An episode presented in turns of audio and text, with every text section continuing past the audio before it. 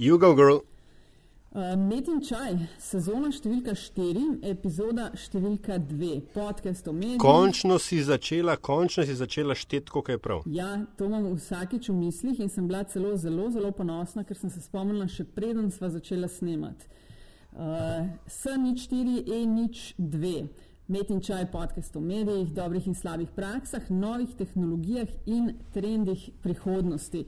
Um, ko govorimo aljaš o trendih prihodnosti, pa mi je malo dalo misliti, da sva v prvi epizodi imela gostjo odvetnico, v drugi pa bo gost policist.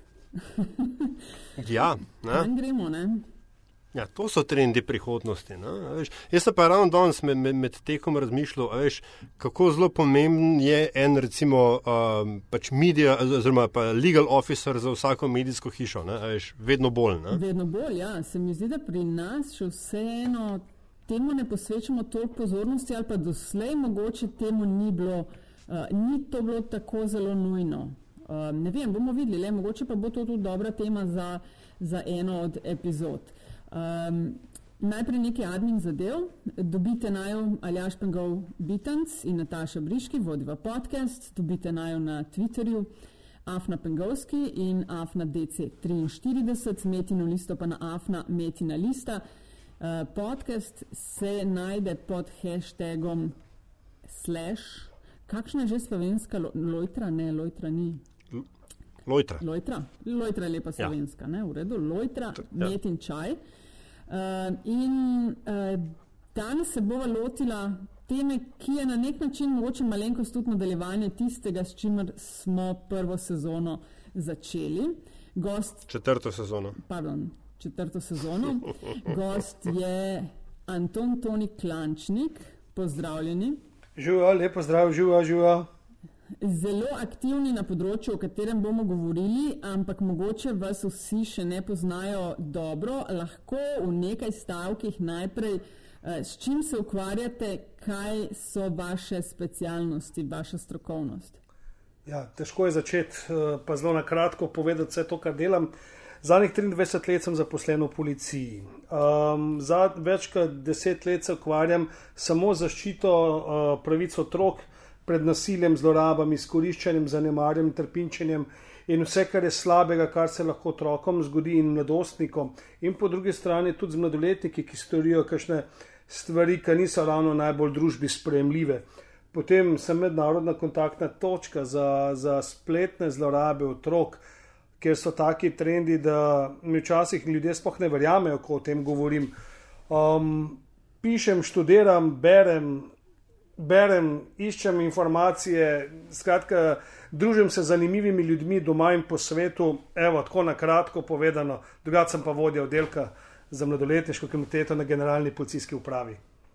A vas je veliko, ki se s temi stvarmi ukvarjate? Sprašujem zato, da vidim, kako zelo pomembna tema se to zdi znotraj policije. Ha, to je zdaj dvorezen meč.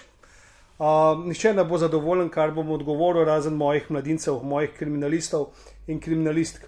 30 nas je vseh skupaj v tej državi, želje so, da bi nas bilo vsaj enkrat toliko, kajti internet je vstopil v življenja ljudi in tudi otrok, in očitno težko preprečujemo tiste, ki odločajo o tem, da rabimo dejansko veliko več ljudi.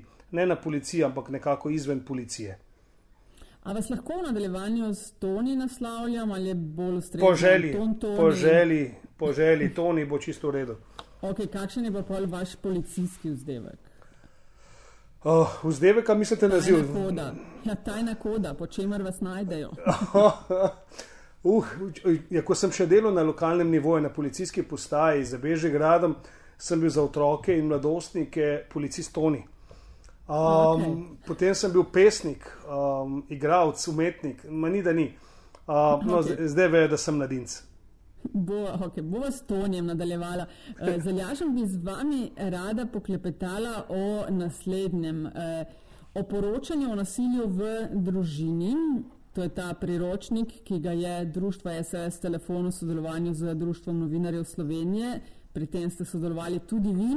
Izdali so skratka ta priročnik, pa poročne smernice za poročanje o otrocih in Uh, vse reguliramo, to ni mnogo področja, celo preveč, ampak splet pa ostaja divji zahod in vi preživite kar nekaj časa pri preučevanju možnih zlorab, ki se dogajajo na spletu, tudi uh mhm. -huh. medijskih. Ne? Zato bi želela tudi o tem, uh, kakšno besedo z vami reči. Taljaš, sva redi?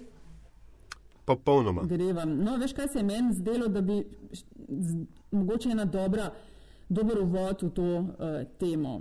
Slovenska paraolimpika je pred dnevi osvojila zlato medaljo v streljanju. Sta ujela to zgodbo? Uh mhm. -huh. ja, ja. Uh, gospa je bila žrtev nasilja. Pri 18, če se ne motim, jo je partner, potem ko ga je zapustila, ustrelil dvakrat. Uh, kako vi gledate, Toni, na to, kot takšna zgodba na takšen način, oziroma s takšnim koncem pride ven? Ne vem, na veliki odr se mi zdi, da je pripeljala to zgodbo, ki mogoče, ne vem, je, kaj zvem, kakšna spodbuda še komu drugemu. Ne vem, v medijih je to, kar se mi zdi bilo pogosto objavljeno ob tej novici, da je osvojila zlato medaljo. Ja, v bistvu imamo dva vidika takih zgodb. Ne? Eden je ta pozitivno sporočilo, ki ga daje naša paraolimpika z to zlato medaljo, ki kaže, da se je pobrala ven, da, da je zmogla, da je, da je šla iz te stiske, iz vseh teh težav, od zdravstvenih do teh, tega handikepa, ki ga, ki ga nosi seboj, do, do, do vseh drugih stvari. Uh, ne rečem, da je prebrodila vse, ampak zagotovo je pa naredila velik, velik korak in je spodbuda vsem tistim, ki nimajo takega handikepa, pa so vsem žrtve uh, nasilja v družini ne, oziroma nad ženskami. Ne. Potem pa drugo skrajnost. Ne, uh, če bi šlo za to, da se nekdo ne pobere, pa bi tako zgodbo plasiral, je verjetno bi lahko opozarjal na neke sistemske probleme, kaj bi lahko uh, državne službe uh, izboljšale, ne, to je eno, ali pa gre lahko za lahko pride do osebne diskreditacije, poniženja uh, uh, te žrtve, ki se verjetno šele prebija uh, po izkušnji uh, nasilja nad njo. Tako da je dvorezen meč, ampak uh, jaz mislim, da moramo pri teh tematikah res zasledovati pozitivna sporočila, kajti to daje spodbudo žrtvam, da sistem deluje.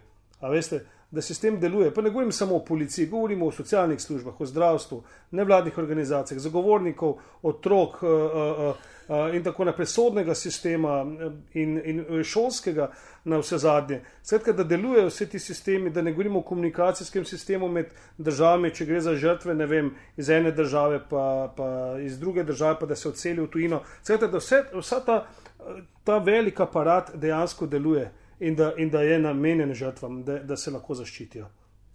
To ni vi ste, ali jaš, ja, kar izvoli si. Zajemno, ne, ne, kar, kar, ja, ne, ta že izvoli. ne, to sem sam želela. To ni vi ste zdaj vključeni v bolj, recimo temu tako, neke strateške razprave o teh vidikih, ne, poročanje nasilja v družini, otroci. Ste, dela, ste delali na terenu? Da. Ste to videli da. na lastne oči vse? Na lastne oči spoznal dečke, deklice, dame, gospode, starostnike, invalide, uh, vse, kar mi lahko naštel, sem srečo spoznal v vidu, okusu, uh, tako in drugačnih uh, stiskah in v lepih trenutkih. In videl sem tudi srečne konce. Uh, nasilje in kri se, nažalost, uh, dobro ja. gledajo. Ne? Uhum, tudi prodajo. To je mogoče, to je grobo, ja, in tudi prodajo, ampak tako je. Uh, in ker vemo, da tako je, verjetno je fino mogoče delovati tudi v drugačni smeri. Ne? Zato tudi, ker se dobro prodaja, ker se dobro gleda in bere, najdemo te zgodbe pogosto na prvih straneh. Zdaj, vi ste sodelovali pri sestavljanju in pisanju tega priročnika za medijem, kako poročati o nasilju nad ženskami in nasilju v družini. Kaj so najpogostejši stereotipi. Kaj ste ugotovili, da so najpogostejši stereotipi, ki jih mediji, velika večina in, in žal je temu tako, pomagajo poglabljati in ne razbijati?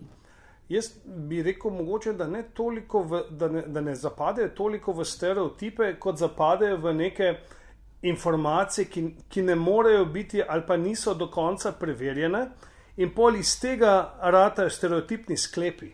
Se pravi, bolestno ljubosumje, uh, sama je to hotela, se zakaj pa ni šla, zakaj se je pa vrnila nazaj, um, take stvari. Um, potem, da, to, da se to dogaja pri neizobraženih uh, uh, družinah, pa ljudeh, in tako naprej, kar je v bistvu vse absurd.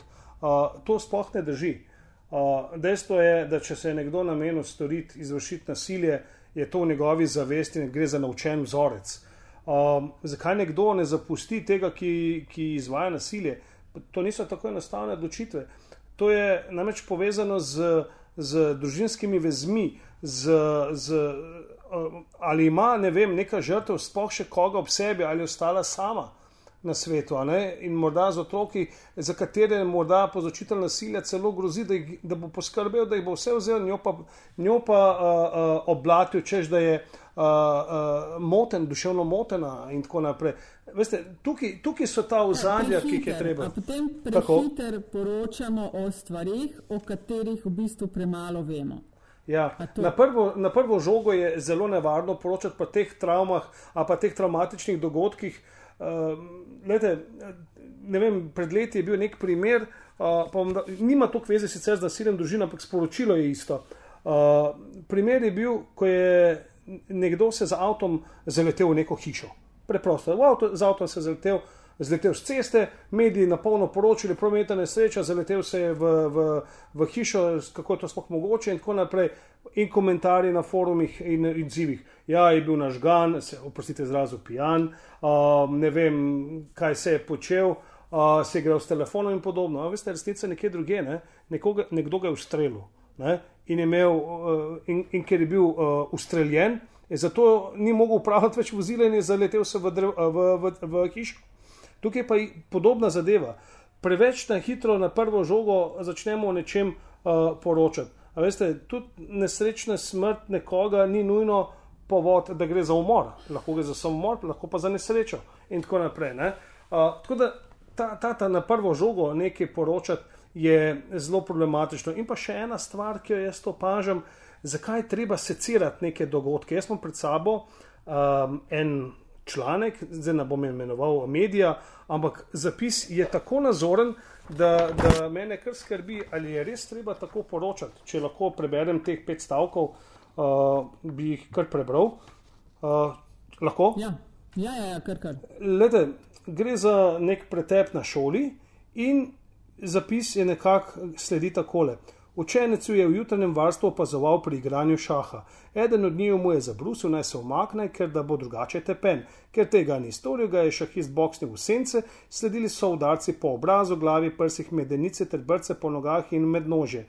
In tako naprej. In potem stavek o posledicah. Učenec je v pretepu utrpel pretest možganov, poškodbo desnega testisa, podplutbe na sencih, ličnici, nogah in med nožjo.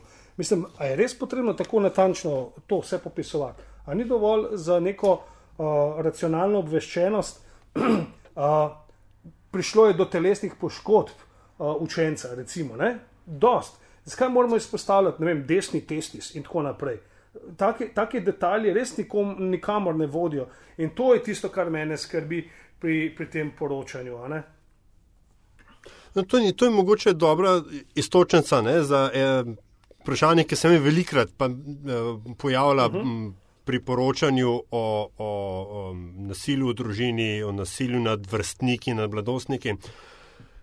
Eno je ta, um, da rečem, uh, sla splošne javnosti ne, po um, yeah. Ja. pretepih krvi in tako dalje, to, kar je Nataša prej rekla. Ampak kaj to naredi žrtvi? Po eni strani jaz razumem, da je, uh, kako bi temu rekel, da, vse, veš, da, da, da ni treba stvari v celofan zapirati, ja, sta se dva mulca na šoli stepla. Ker so vendarle razlike, ne? ker eno je pač pretep, kjer nekdo nekoga poridna in pade po tleh, drugo je pa pretep, ki ima lahko resne telesne poškodbe. Ampak tisto, kar mene zanima po vaših izkušnjah, kaj takšni grafični, se, se pravi zelo izraziti detajli v časnikih, v elektronskih medijih, Kaj to naredi žrtvi, ko je potem to objavljeno, zato da vsi to lahko beremo? Ja, uh, torej, govorimo o dveh stvarih.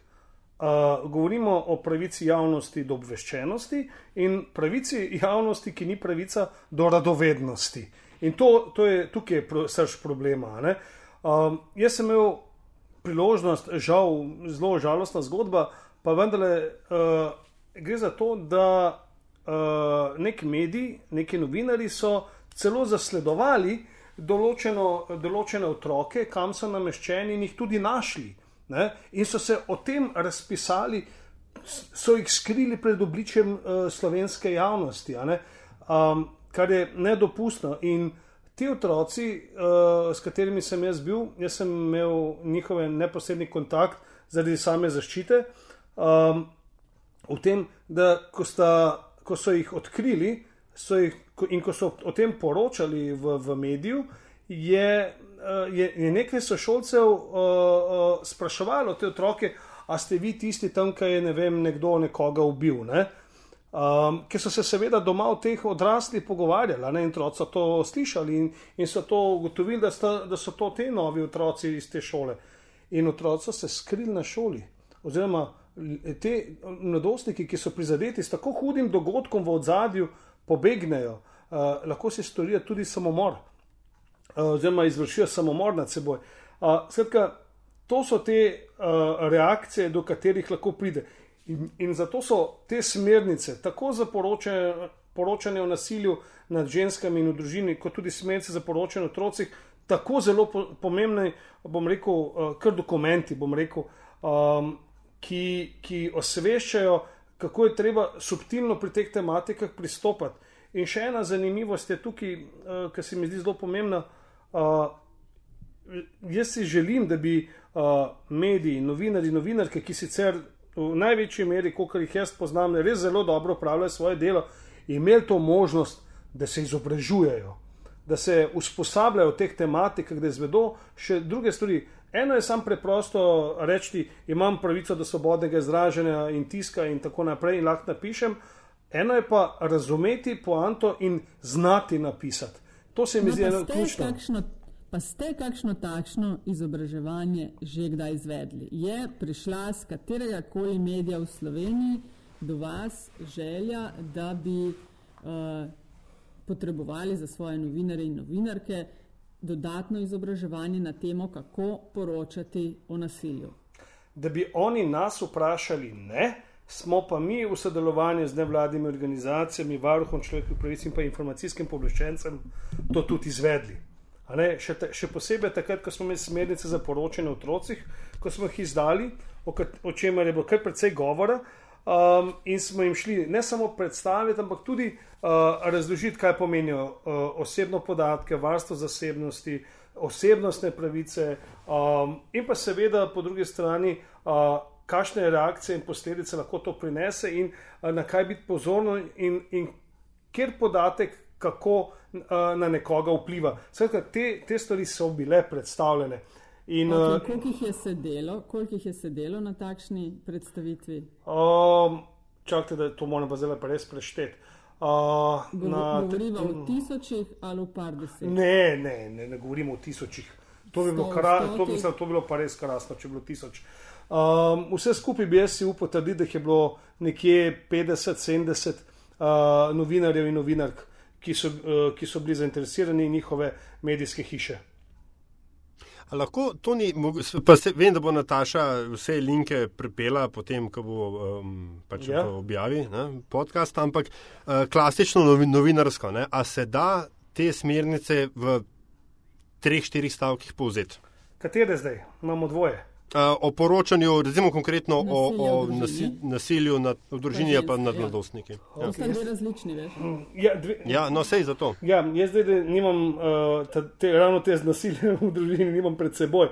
Ampak zdaj smo nekje v vod, uh, kaj, kaj pa predstavlja nasilje v družini, kaj je uh, nasilje nad ženskami, za kakšno dinamiko gre, uh, o stereotipih uh, zajemamo, uh, potem uh, uh, predloge za dobro poročen z prikazom iz prakse, potem slabo poročanje in pa seveda, kar se mi zdi ključnega, da priročnik vsebuje v bistvu tudi linke na posameznih tematikah, ki neposredno skočiš v širšo, uh, uh, širšo tematiko, lahko najdeš cel priročnik, ki ga uporabljajo recimo nevladne organizacije. Ali pa ja, uh, dober, ja. informacije uh, o postopku na policiji, ki smo se res z njimi uh, jaz, jaz priznam, da smo se potrudili in ni to slavo spev, ker smo jih dali v, v rečemo, recenzijo nevladnim organizacijam, ki nam seveda dosti krat pokažejo ogledalo in smo jih nadgradili, dopolnili in zdaj celo prevajamo še v več jezikov. Skratka, to so te informacije, ki jih lahko dobi slehani novinar. Kratko je, da je na to, če želiš poglobljeno, klik, klik. To je to. Okay.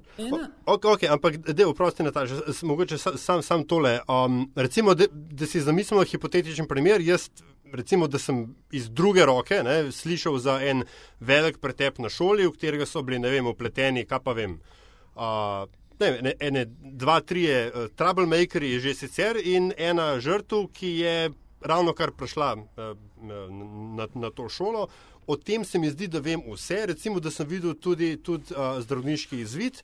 Zdaj pa jaz to ne vas vprašam, česa resnično ne smem dati v članek in kaj bi bilo dobro z vidika pravice do obveščenosti, da notro vsekakor je. Glede, zagotovo so relevantne informacije, uh, da je prišlo do nekega dogodka, da uh, uh, ali so institucije, ki morajo biti obveščene in opraviti svoje delo, ter kako so ga upravile.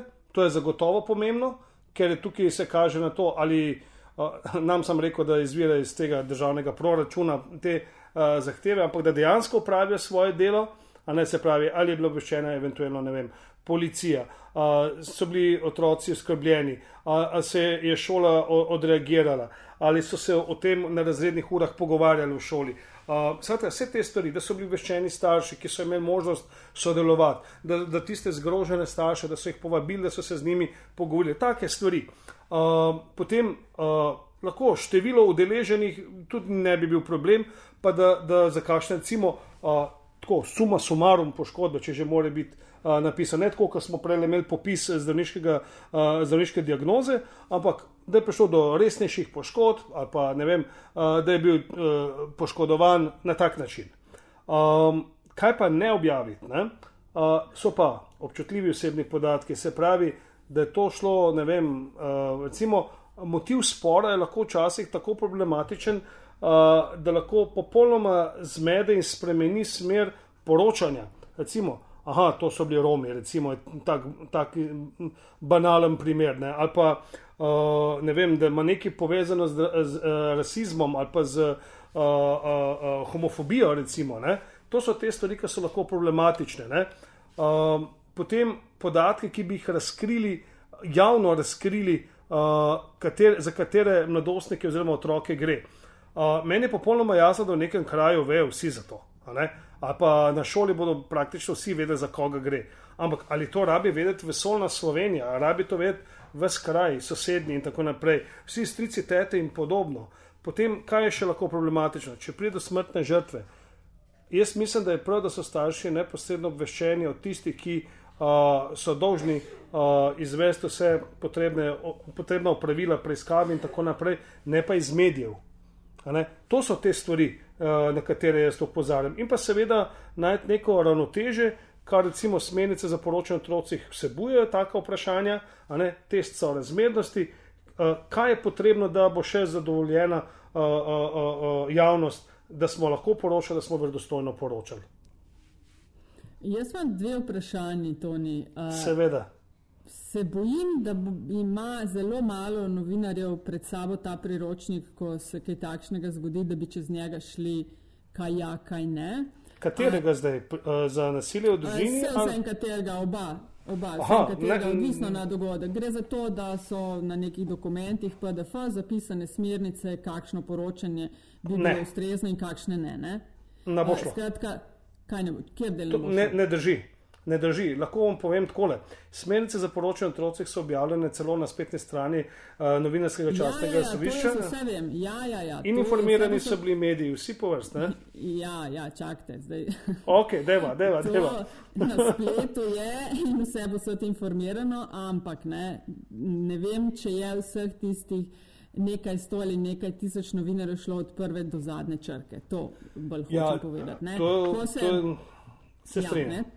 Zdaj, kar se to zgodi, enim teh stvari ni treba razlagati, ker se jim zdijo samoumevne, enim se ne zdi samoumevno, eni pa delajo za medije, kjer se iščejo ali pa izpostavljajo točno takšne informacije, kakršne, o kakršnih ste prej govorili. ne. Ja. A se vam zdi to dovolj, ne vem pa, kakšne so prakse v tujini, ali bi veljalo tukaj nastopiti mogoče mal ostrejše v smislu, to se lahko, recimo, ne vem, prišlo je do resnejših poškodb, ne pa leva dlaka je bila to in podobno. Glede, um, se Ali tu ne bi dosegli zaželjenega eh, željenega učinka? Zdaj, kako bi se do tega lotili, ne, uh, ta trenutek ne bi vedel. Dejstvo pa je, da mi lahko bi marsikdo rekel: poslušajte, vi upravljate svoj posel kot kriminalist, uh, mi smo pa novinari in pravimo pa svoj posel in našega posla ne poznate. Kar je po svoje res. Uh, in spremem to, uh, to kritiko že vnaprej. Uh, dejstvo pa je, glede na to, da smo pa promovirali smernice, recimo za poročanje otrocih, uh, bom pa lahko odkrito povem, da so se name obračali novinari in novinarke, ki so želeli dobro napisati, kvalitetno napisati in me sprašvali, lete, imam pa tako in tako dilemo, uh, koliko delečit. Veste, enkrat so me celo vprašali, da, da so hoteli napisati uh, uh, prispevek, oziroma objaviti prispevek o nogometni tekmi med romsko skupnostjo mla, mla, mladih ne, in pa mladimi iz okolice. Ne. Ali je to ok, glede na to, da je v zadju zgladitev spora? A ne? A veste, take stvari. Ne, uh, jaz, sem, jaz sem v bistvu vesel, ko me nekdo to vpraša, ne, da lahko predebatirava, da vidiva, kaj in kako. Uh, ne bom rekel, seveda, da vem vse, daleč od tega. Vem, vem, poznam pa lahko tisto drugo plat, kaj se zgodi, ker imamo stik tudi iz tega zornega kota z ljudmi. ne. Razumem, ja. No, a ne, zdaj, Ne. to približevanje, ne, če dovolite, um, uh, je pa meni to zelo pomembno. Namreč uh, vsi veste, ne, da kazenski zakonik se je spremenil leta 2008, novembra, izstopil v veljavo in tam ima eno določbo kršitev tajnosti postopka. In se striktno nanaša na senzacionalistično poročanje glede otrok, ki so kakorkoli udeleženi v teh raznih razprtijah, ki je zelo brano, seveda, pa gledano ne, v medijih. In uh, takrat je policija izvedla kar nekaj uh, preiskav kaznjivih dejanj, prav za, za to senzacionalistično poročanje. Uh, in smo prišli do tega, da mogoče ni dovolj, da samo pišemo kazenske ovadbe, pa čeprav so bili res eni taki eklatantni primeri. Uh, In smo rekli, da je še nekaj narediti, če ne bomo skozi to pisali. In, in to, ni, to ni namen, da zdaj napišemo goro enih kazenskih ovadb zoper, zoper eh, novinare, ker to, to ni prav. Uh, mislim, po, v enem ključu je, ampak ni pa to sistem, Ne. dolgoročno ok. In uh, nekako smo prišli na idejo o teh smernicah glede otrok, in smo imeli te delavnice, preden smo jih zgradili, uh, smo jih predstavili, in, in, in, in je bilo. Veste, jaz vidim spremembe in jaz sem zelo vesel, ko vidim uh, sliko, sliko otroka, ki je zabluran po obrazu, torej ni viden, recimo, ne? ali pa glikne, da popiše čisto sazga uh, otroka, ki, ki gre. Pa otroci več te kažejo, tukaj je skočil z okna ne? in podobno. Take stvari. In vidim napredek, veste, jaz sem prav vesel, da, da to je in da, in da slovenski novinari in novinarke še vedno imajo ta, ta, ta človeški pristop, vsaj v velik, več, veliki meri. Toni, vi imate to mehak pristop, vidim, do novinarjev in novinark. Pa ne vem, a veste, jaz sem, ne vem, jaz, Ne, jaz, saj nič ne pravim Ne, jaz bi mogoče, mogoče bi povedal to, ne, glih zadnjič sem govoril z eno novinarko, uh, ko smo pripravili tole poročanje o nasilju nad uh, ženskami in družini. Jaz sem se ogromno naučil o vašem delu. ne. Nam rekel, da vem zdaj vse, ampak veliko sem se naučil, da vidim tudi tiste stiske, ko se pritiska na odgovorne urednike, da, da, da, da morajo novinarke in novinari, um, ne vem, normo, da imajo celo zapisati članke in, in kaj je zdaj norma, koliko je številčna, to je dolgi članek, kratek članek, da, da ne piše več v duetu, pa zelo redko, pa redkeje in take stvari. Veste, veliko stvari sem sprevid sem dobo, tako da, da ne grem vedno na ostro, ampak skušam razumeti empatijo in nekako uh, skušam dati zraven. Ja, meni se zdijo ti priročniki ali jaš uh, in smernice o načinih poročanja blazno, blazno uporabna stvar, se pa ob tem hkrati tudi sprašujem, ker to zdaj nekako leži na, na vas, na policiji, pa na nevladnih organizacijah predvsej. Uh, Uh, v mojih časih, ko sem jaz študirala novinarstvo, nas tega na programu niso učili. A je zdaj mogoče drugače? Imate kakšen podatek o tem? Učijo oh. študente in študentke novinarstva že na faksu, kako, zdaj, kakšno je poročanje? Zdaj v, v samem programu nisem udeležen, recimo na fakulteti. Um, smo pa tudi študentom, bodočim novinarjem in novinarkam tudi predstavili te smernice za otroke. Uh, tako da jaz si srčno želim in če me povabijo, pridem, zato ker je to samo naložba za naprej. Um, mogoče, ko bom šel nekoč v penzion, uh, bom gledal lahko te sadove in bom verjetno zelo zadovoljen. To ni, ali bi bilo smotrno, v, mislim, da sem pri nas samo ene parkrat uh, videl, ampak v tujini je pa to kar resna, uh, pogosta praksa, da ko se poroča o tovrstnih um, dogodkih, bodi si gre za nasilje nad ženskami, nasilje nad ja. otroci, yeah. o samomoru v končni fazi, da se, da se članek ne, ali pa prispevek uh, v elektronskih medijih redno opremlja z uh, nekimi uh, in, informacijami o kontaktnih točkah za pomoč pri. Ja. Jaz uh, zastopam ne samo kontaktnih uh, točk za pomoč, ampak tudi, kaj, kaj mi je storiti. Uh, in to je, to uh -huh. jaz mhm. menim, da je to sam dodana vrednost. Veste, ni nujno, da to nekako u, u, u implementiraš v članku o nekem dogodku, je pa lahko en krasen okvirček zraven.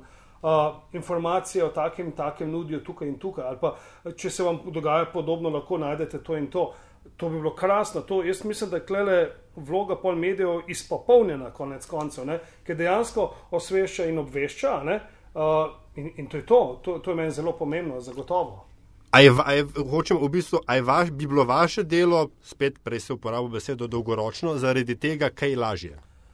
Um, jaz mislim, da ja.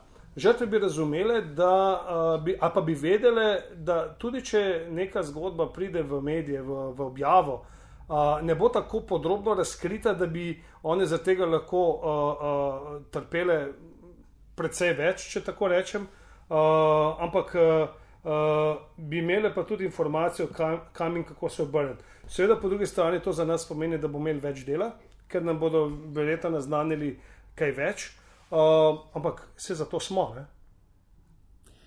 No, to ste rav, ravno ste na začetku omenili, da vas je sicer 30 uh, v celotni ekipi po, po širom po Sloveniji, če sem prav razumel, da bi pa radi jih imeli še enkrat toliko, pa ne samo znotraj policije. Kaj ste s tem mislili? Bom popravil se.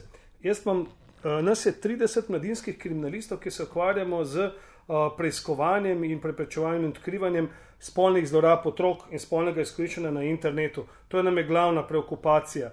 Še 30 bi jih bilo fino dobiti v policijo, ampak to razložiti nekomu izven naše hiše je pa precej težko. To hočem povedati.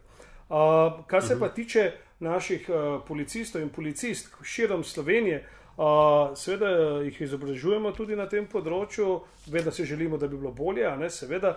Um, in mislim, da bo tukaj veliko več dela. Kompleksnejše primere pa seveda obravnavajo tudi moji mladinski kriminalisti. -hmm. Med stereotipi, Toni, ki ste jih omenili kot najpogostejši ali pa pasti, v katere se mediji in, in kolegice in kolegi vse prevečkrat ujamejo, so poimenovanja stvari. Ne? Kadar uh, partner, partnerko napade, se velikrat zaradi ljubosumja, zaradi alkoholizma in se to na koncu sliši kot, uh, saj jaz to tako razumem, kot neke vrste olajševalna okoliščina. Ja. Podobno sem me je pred časom ujezilo poročanje tudi v primeru umorov v izolski bolnišnici, če se spomnite. Da, Takrat da. se mi je zdelo, meni osebno, pa me popravite, če, je, če se motim, ne, da je velik fokus bil, ali pa mogoče prevelik za moje razumevanje, na, aha, ker ni prišel na vrsto, ko je predvideval, ali pa ne takrat, ja. ko bi moral. Eh, lejte, zdaj imamo pa tri mrtve. Ne? Sicer ne eksplicitno ja. rečejo zaradi tega, ampak eh, mogoče se ti pa kar naenkrat se pa enemu velikemu delu javnosti eh, morilec zasmili. Le, ja, gledajte, Uh, mislim, da, da v takih uh, uh, na hitrih ocenah, ne preskočimo nekaj stopnic. Uh, čakalna vrsta ni še benga ubila. ne. Čakalna vrsta je naporna, um, zagotovo je težavna, problematična za tistega, ki potrebuje pomoč, uh, ki jo pričakuje hi veliko hitreje in tako naprej. In to lahko v človeku povzroči neko stanje, neko, da ne bom zdaj prejudiciral tega primera, a, ampak na splošno povedano, a, pri njemu povzroči nek notranji konflikt ali pa neko. A, Ja, nek konflikt, ki, ki je potem v bistvu sam še prožilec dejanja. A, in v tem primeru je tako nesrečnega zdravnika, kot uh, našega nesrečnega kolega, policista, ubila pištola, um, oziroma naboj. In to je tisto, na kar uh, opozarjamo. Podobno je pri uh, drugih primerih. Ljubosumje ni ubilo nikogar, ampak je uh, nekdo, ki se je spravil v tako stanje, bodi si z popivanjem ali pa opija, opijanjem, uh, z alkoholom ali pa drogiranjem ali pa še čem drugim, ki se je potem v bistvu odločil, da bo neko dejanje izvršeno, že imel v, v, v mislih, da bo to povzročil, samo še rabo je ta, nam rekel, pogum, ampak uh, nek, nek, uh, nek proživc, nek žigalnik, da je potem izvršil, kar je izvršil. In to, na to moramo včasih paziti, da ne, da ne preskakujemo. Uh, jaz vem, da tudi, tudi moji kolegi, ki dajo izjave za medije, uh, včasih narodno rečejo, da ja, je za bolestno ljubosumje in tako naprej. Um, in to tudi opozarjam tudi sama. Um, in zato je tudi pomembno, da, da ne preskakujemo teh tematik, ampak da vidimo dejansko, kaj je, kaj je razlog uboja, umora, uh, da to mora in tako naprej ali pa nekega nasilja, a ne pa da to špekuliramo o nečem, kar je možno odpravljati. Uh, naša prejšnja gostja je v prvi epizodi, v kateri, s katero smo štartali v četrto sezono, je med drugim rekla: Beseda je kot kamen, kamor pade, pusti sled. Uh, jaz sem uspela uh, malo preba, prebrati vašo magistersko nalogo. Uh, uh -huh. Lahko sam na kratko poveste, o čem ste pisali? Ja, uh... Pisal sem o deviantnosti izpostavljene otrok v tiskanih medijih, kar pomeni, da sem eh, nabral za približno dve toni tiskanih časopisov, slovenske štiri srednje časnike, sem vzel, pre, prebiral vse prispevke, ki so kakorkoli omenjali otroke, najstnike, mladostnike uh, in skušal ugotoviti, kako daleč grejo mediji pri poročanju, tako slovenski, kot dodatno, ko poročajo o otrocih, a pa tistih dogodkih, ki so se zgodili v tujini, pa vključujejo otroke. Uh, mm -hmm. Tako da izkušnja in kar sem ven nabral, je bilo res zelo zanimivo. No. Uh, no, ja. prvi... a, to zan, a to je zanimivo ali zanimivo na rokovajih? Ne, hvala, to je pa res dobro. Uh, ne, lete, uh, Gotovo sem, da, da jaz bi lahko to nalogo še pisal, verjetno bi jo še danes pisal, če ne bi enkrat rekel Bobo, Bob, pa stop. Uh, že tako ima 200 strani. Ne? Tako. Če pa doktorat. Ja, to, to že obljubljam nekaj časa, bom, ko bo uh, čas, pa, zden, pa kažem kretnjo z denarjem. No? Uh, tako da to ročno kretnjo, mislim, da zdaj vsi razumete, o čem govorim. Um, ja, bo enkrat bo, sem verjetno ne bom o tem pisal, bom o čem drugem, ker imam že v mislih kaj, ker nočem ponavljati nekaj, kar sem že ugotavljal. Um, da, tukaj sem zajel pa tudi uh, nekje uh, pravice otrok, potem pravice do svobodnega izražanja, pa obveščenosti in pa uh, varstvo pravic zasebnosti. In sem pač trianguliral vse te tri pravice in skozi vse teorije in tako naprej ven skušal zbrati, kar se v praksi dogaja. Uh, vključno z, z stališči uh, novinarskega častnega razsodišča in pa tudi medijskih ekspertov slovenskih. Um, tako da so ugotovitve zelo, zelo zanimive. Kako no, daleč kakšne? gremo? Ja, no, kaj ste odkrili, kakšni so trendi? Ja, zdaj jaz sem imel sicer eno omejitev, eno večjo omejitev no, pri raziskovalnem delu. Uh, Mogoče sem zajeti zgolj sem tiste, uh, uh, ča, uh, tisto obdobje uh, objav, uh, preden je stopil kazenski zakonik v veljavo, vse sem namreč uradna oseba in če bi jaz zajel celo leto, leta 2008, bi mogel za tisti del od, od 1. novembra do novega leta verjetno vlagati prijave. Ne? Kar pa ne bi bilo smiselnost uh, raziskovalnega dela, in se je polomil na prvo poletje, pa že to je bilo uh, veliko. Uh, Skratka, poletje 2008. 2008, ampak uh, uh, določene tendence so še vedno uh, iste, ampak kljub vsemu. Zdaj, um, recimo, Uh, zelo veliko je bilo ugotovljenega tega popisovanja nekih uh, dogodkov, uh, kako, uh, kaj se je nekomu zgodilo. Kot sem prej dal nazoren primer popisovanja poškodb, pa opisa dogodkov. Ne. Potem uh, nek, uh, nek časnik uh, prednjači praktično vse, kar je možen, mi bomo objavili vse, vse ni važno, če nas bo kdo kaznoval, nam pač to gode in tako naprej. Skratka, šlo je za lahko zelo. Poveva, a lahko poveva, za kater čas ne gre. Sicer gre za obdobje, še enkrat povemo, v 2.8, ko se je Tako. to raziskovalo. Ne? Tako Povejte, dosedanje- naloga je javna. Ja, kar vi. A ja, sem mislil, da ste meni dala to prednost, da ste mi to povedali. ja. Ja, v moji magistrski nalogi sem za to obdobje zapisal slovenske novice. Um, zdaj se mi je, da, da dejansko za ta čas, ko sem to raziskoval, dejansko pretiravajo. Uh, moram pa priznati, da, da, da so naredili en korak nazaj, ne? da ne bo pomote, se pravi, step back. Naprej ali nazaj. Zdaj nazaj, kot da so se malo ustavili, ne, če tako rečemo. Okay. Um, in, in da so tako napredovali, no, če že naredijo korak zdaj. Um, seveda, jaz osebno menim, da še ni to dovolj, ampak kljub vsemu uh, je ne, definitivno drugače kot leta 2008, mm. ne, osem let kasneje. Uh, in tudi število njihovih objav uh, je, mislim, da skoraj, mislim, da sem zapisal okrog 40% oziroma odstotkov je bilo takih, ki bi terjali resen premislek skozi uh, sodno vejo oblasti. Uh, se pravi, da bi bilo kaj za preganjati. Ampak se pravi, še enkrat, smisel uh, pregona je eno, ne, če pa ti znaš osveščati, pa izobraževati, so pa določene stvari lahko posebno Ja, ja. drugačne. ne. Ja, ja, ja. Tako. Uh, zdaj, ko ste govorili o tem, o razkrivanju identitete vpletenih, ne, se vedno govori, če je v javnem interesu. Ne. Ta, če je v javnem interesu, to je zelo težko prijeti, ali pa ne vem, mogoče ne. A se da uh -huh. Povedati jasno, kdaj ja objaviti, kdaj ne objaviti. Ta test sorazmernosti, o katerem uh, uh -huh. se tudi v priročniku uh, piše. Ja, test te sorazmernosti je zagotovo eden izmed načinov.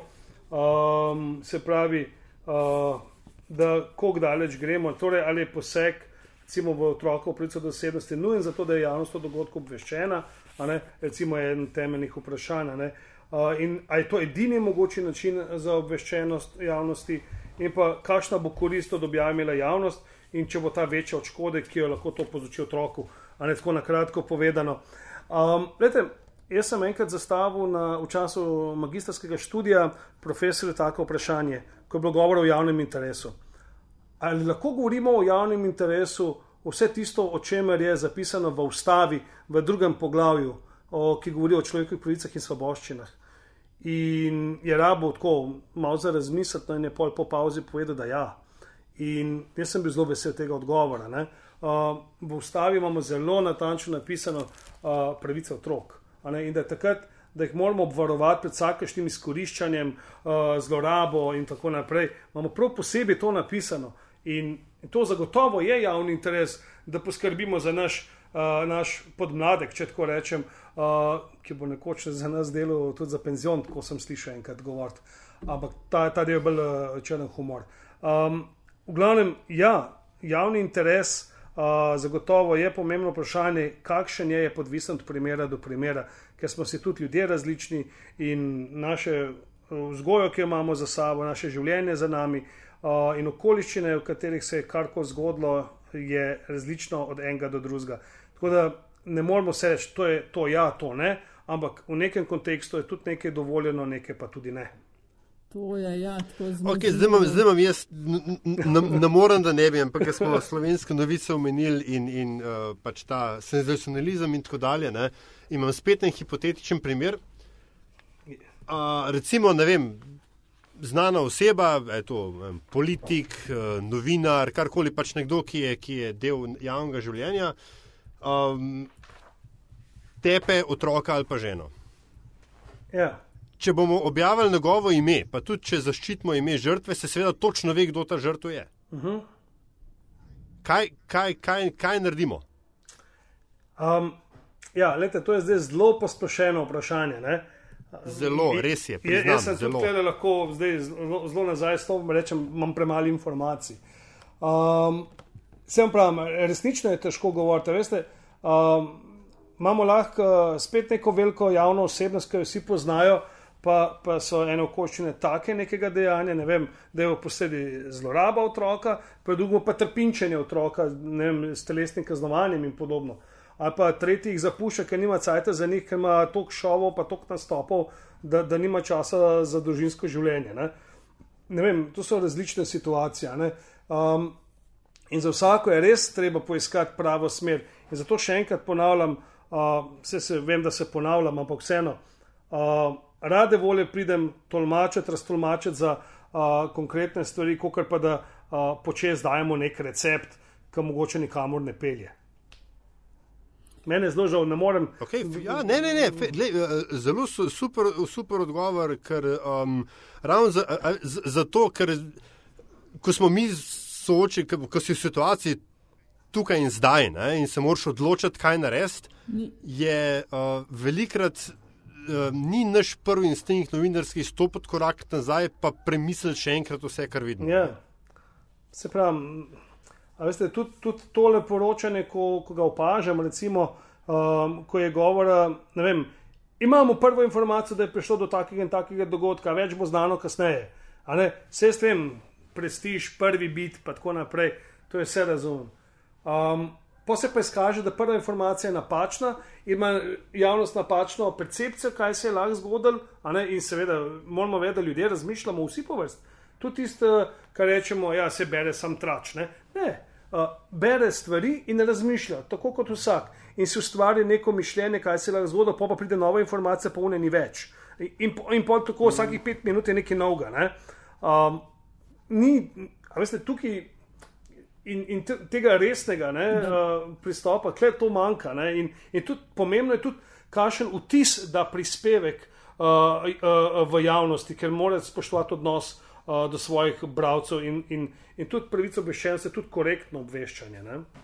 hočete reči, da se premalo zavedamo, tudi novinari in novinarke, tega, kakšna je moč besed. Ja, jaz sem v svoji nalogi zapisal, uh, kako močne so te besede. Um, verjetno ste videli tam pri naslovu. Ja, lepo- orožja, kot je beseda, lahko ubija. Tako, pa, pa predtem ni ga zdravila, kot je beseda, ja. rešuje življenje oboje. ne. Um, to sem pač zapisal čisto iz prakse, tako kot je. Um, avtor, je. avtor je moja malenkost za tole. In dejansko je tako. Čilenski, čilenski rudari, ki so jih rešvali, a ne, zdravilo. a Ne, uh, da pa imaš potem, uh, da pa nekomu uh, se zelo stori, uh, je pa tudi lahko zelo, zelo nevarno. Ne. Tako da res najdete zdravo, pravo pot. I- Jaz vem, da je, da je pisanje in, in objaviti nek prispevek, to je umetnost. To, mož, to, je, to je prav poudaril en starosta uh, novinarski uh, na tem uh, posvetovanju teh smernicah, ko smo jih sestavljali. Uh, in dejansko drži, to ni, ni mala stvar, in jaz verjamem, da mnogi novinari se tega še kako zavedajo. Kaj pa moč, pa bi pa sem še malenkost splet obdelali, ok, moč besed. Kaj pa moč fotografij, izbor fotografij. Zadnje čase okay, Ja. je veliko enih situacij uh, z begunci, uh, z terorizmom, potem se to v, eno, v en paket daje ne, in se. Uh -huh. Uh, namiguje na nasilje s to religijo povezano in podobno. Ne. Kaj pa ta izbor fotografij? Uh, ali pa uh, ja, objavljati fotografije ne vem, eh, teroristov, ja, objavljati, ne vem, Breivik, se spomnim, tale eh, norveški Ja. yeah. morilec. Ja, Ja. objavljati njegove izjave, kaj vse bi on svetu naredil in kaj on misli o svetu, ali je to lahko, prosim, ne. Jaz bi klele bil zelo, zelo negativno nastrojen, tam 90% bi rekel ne. Zakaj? Uh, če si ogledamo definicijo terorizma, kaj vse je na nekem določenem času, kraju, uh, povzročiti masovno škodo, na katero bodo ljudje prestrašeni in bo medijski pomp in tako naprej. Ne? A vidite, recept je noter, uh, kaj ni pametno pri terorizmu poročati. Jaz zastopam 9-11 a ne, v New Yorku, uh, slučajno sem prejšnji, te, uh, prejšnji mesec tam, uh, sem si šel ogledat uh, to obeleže. Um, ja, tisto razumem, ampak se poročaš o nekem dogodku, ne poročaš pa, kaj bomo mi, vem, naredili, ko boste vi, ne vem, kaj naredili. Uh, to sprožamo mešane občutke. Ljudje se okoli mene se pogovarjajo, jaz sem kamor ne bom šel več na dopust. Neumnost. Če to naredimo, potem smo izgubili boj proti terorizmu. Mogoče me zdaj le malo zapeljati, to je moje osebno mišljenje, ne mišljenje policije. Um, to je res moje osebno mišljenje, ki jaz zelo rad potujem um, in, in, in se pač ne bojim teh, uh, teh stvari, čeprav niso lušne in niso fajn. Um, in tako naprej. Dejstvo pa je, da v ljudeh vnašajo nemir. In tukaj moramo zdaj pogledati, če smo zdaj zašli na terorizem. Kako poročamo? Ali res poročamo čisto vse, kaj so oni hoteli narediti? Ne bo to pa dokumentarc. Veste, ne, ne pa medijski, uh, novinarski prispevek, ne bo to dokumentarc, zato, ker osvetli sliko uh, pa zgodbe z več zornih kotov, ne pa, ne pa nek kratko poročanje, ki, ki imaš odrejene ne minute, sekunde. Recimo, ok, danes smo mi to srečo, očitno lahko eno uro veliko govorimo, ne? pa vendarle.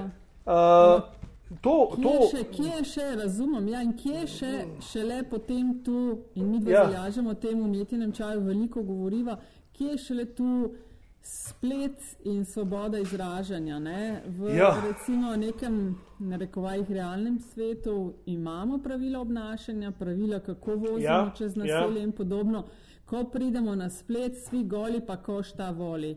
Dokler ja. koga ne zadene osebno. Ne? Ja. Se to, bi se to moralo spremeniti, ali bomo ubili internet, če bomo začeli to regulirati? Lete, tako le bom rekel, meni je internet res krasna zadeva. E, jaz sem prav vesel, da ga imamo.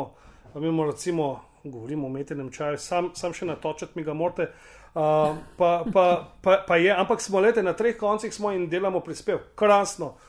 To, to je pokazatelj, zakaj je internet dobra stvar. In, in res, jaz sem res vesel, da je. Uh, po drugi strani sem pa za eno tematiko pa nisem za to, da je na, netu, na internetu dostopna. In to so posnetki spolno zlorabljenih otrok. Pa jaz ne vem, zakaj nekdo me hoče prepričati, da je to svoboda izražanja.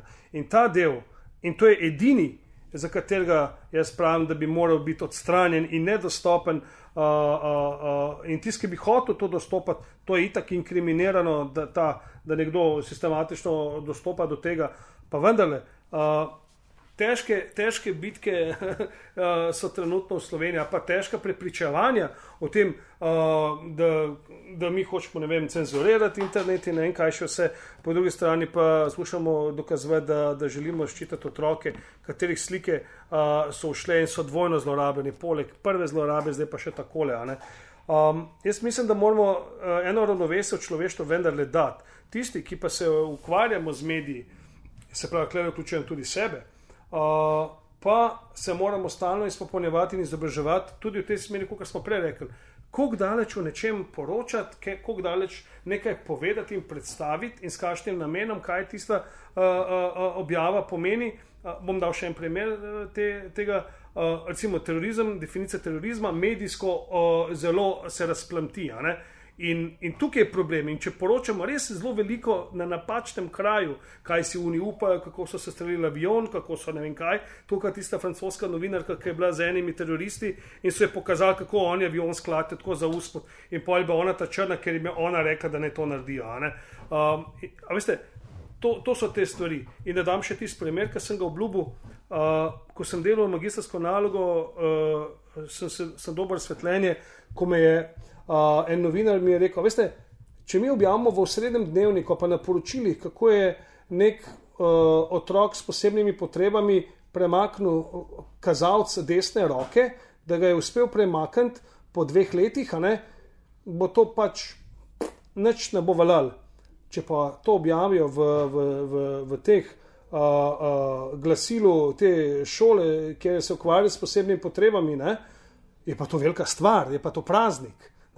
Vidite, in, in tako je že, ki, kam namenjamo neke informacije, kam dajemo te stvari. In to je tisto, kar se mi zdi zelo, zelo pomembno. No, se, recimo, ne, a, moč plasiranja informacij se je, sploh ni, nimam to.